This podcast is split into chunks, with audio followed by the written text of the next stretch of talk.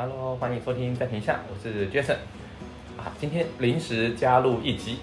那原因是因为我上周我们去云林出了一个活动，那这个活动呢，它其实是由我们的云林妇女保护会他们所规划的，他们跟我们的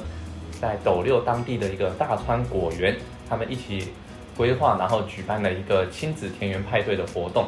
而我的朋友，也就是我们的小老板，他们的品牌叫考我马吉，就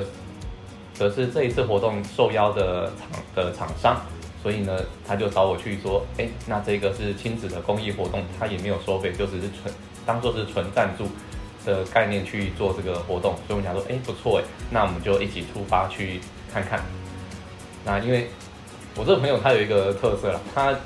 其实身体很好，很健壮。但是不知道为什么他就是很不喜欢开车，所以每一次有这种要出台南市的这种活动的话，他都会先问问看我，我如果那天有空就一起去玩。但重要的是可以帮他开车开这个车程，因为他会觉得说他开车的时候比较没有办法同时注意那么多的路况，而刚好我又是一个蛮喜欢开车的人，所以诶有这个机会可以到各个县市去玩一玩，我也觉得很不错。而这个活动呢，它其实主要有。三个活动的部分，第一个就是田园的巡礼，第二个活动就是我们室内蛋糕制作的活动。他们还跟我们当地的一个，呃，我看一下，叫做铃兰手作烘焙的的单位去配合，在做了一个室内的手做蛋糕的活动。而我们到的时候，其实就是他们在进行这个室内的活动。而我们刚抵达大川果园，那个果园的老板娘呢，她其实就蛮亲切又很热情。但是她讲她走路有一点点一跛一跛的，我看了以后我就问她说：“哎，你是不是行动上有一点不方便？就是脚受了一点伤，不太方便。”所以我就跟她说：“不然你，呃，慢没关系，你慢慢走，然后我们就是慢慢的把器材运送过去，你跟我们讲位置就好了。”那她就把我们引导到了他们在果园旁边隔了一条排水沟，有一块刚整理好的那。里面有两棵百年以上的，那不知道是樟树还是漆树，然后整体已经规划过、已经整理过的一个草地上，然后就帮我们找了一片树荫，让我们将我们考文马吉的那个餐车呢架设在那边，等待下午户外野餐的时候，可以提供可以提供当天参与的一些学员们一些小点心，那基本上就是免费的，就是我们提供马吉的方式来赞助这个活动这样子。然后，其实，在架设器材的时候，突然有一股比较强烈的微风这样吹吹了过来之后，我就暂停了一下我手边的同的活动，然后环顾了四周，然后深呼吸了一口之后，我觉得哇，现场的气氛好棒哦！因为呃，小朋友们跟家庭都还在室内做活动，这整片很翠绿、很翠绿的草地上面。就只有我跟我朋友，然后我们在驾车的餐的餐车，我突然感受到一股很休闲，然后很清凉的感觉。我就跟我朋友说：“哎，我先休息一下，然后我去车上把我的吉他拿了出来。对，这一次我有带吉他出来，因为想说啊，反正难得有有活动的现场，不然就带去留一些照片嘛。因为我开始学吉他到现在三个多月，实际上是五个月啦。但是我的老师跟我说，嗯，你请假的次数蛮多的。” 因为我每个礼拜上一堂课嘛，然后我看了一下我的出勤表，哎，真的有一位跟我同一个时间报名的，应该是国中生的妹妹吧，她每个礼拜都有来，然后她已经上了五个月的课，但是我只上了三个月不到。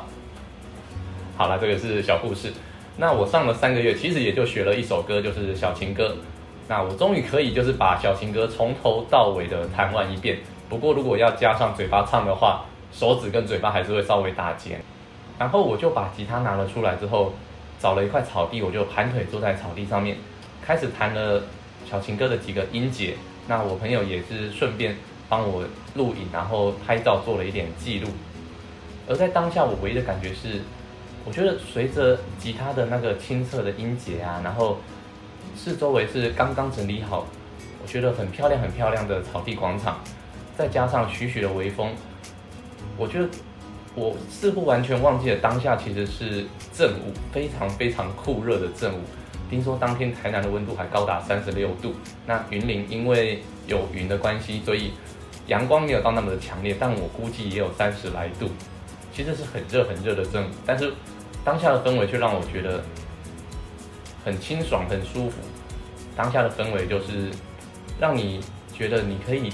完完全全的去享受、去感受这样子的氛围，因为他们那边草地整理真的是很漂亮，然后旁边的果园，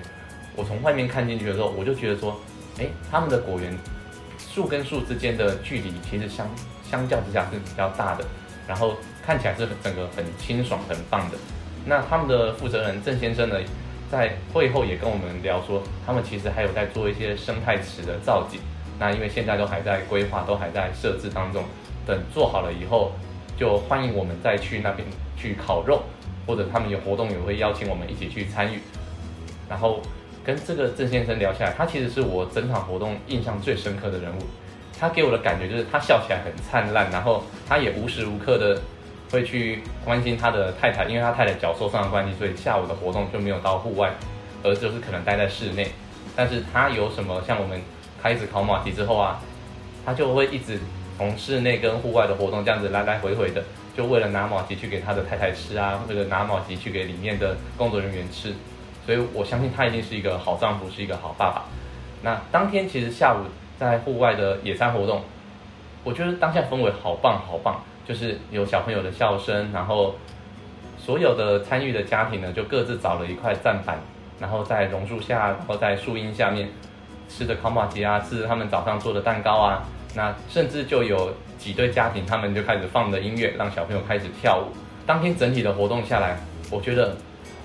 很成功，然后也很棒。我也觉得有机会可以一起参与这样子的公益活动，而不是说为了赚钱的摊商啊，或者是文化祭祭的那种活动，其实相对的有意义。因为坦白讲，做公益听起来好像。很不敷成本，又要开车去那里，有油钱呐，然后又有时间的成本。同样的时间，如果拿去其他的市集，搞不好可以赚钱。但是我就很欣赏我朋友他这样子说啊，没关系，这样的公益活动，然后有亲子，有小朋友，然后有很棒的主题。我觉得不是为了钱做事，可能在现代听起来很傻，但是可以说是为了信念，为了自己的品牌的信仰做事。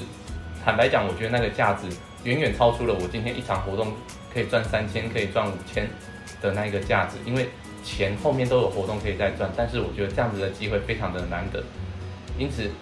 我特别在会后，也就是今天，赶快加入了一集，我想要把我这样的感觉把它记录下来，那有机会的话也分享推广给大家知道，所以各位在听完这一集之后，也可以到我们的资讯栏下面，我会放上我们大川果园的 FB 的资料，然后。各位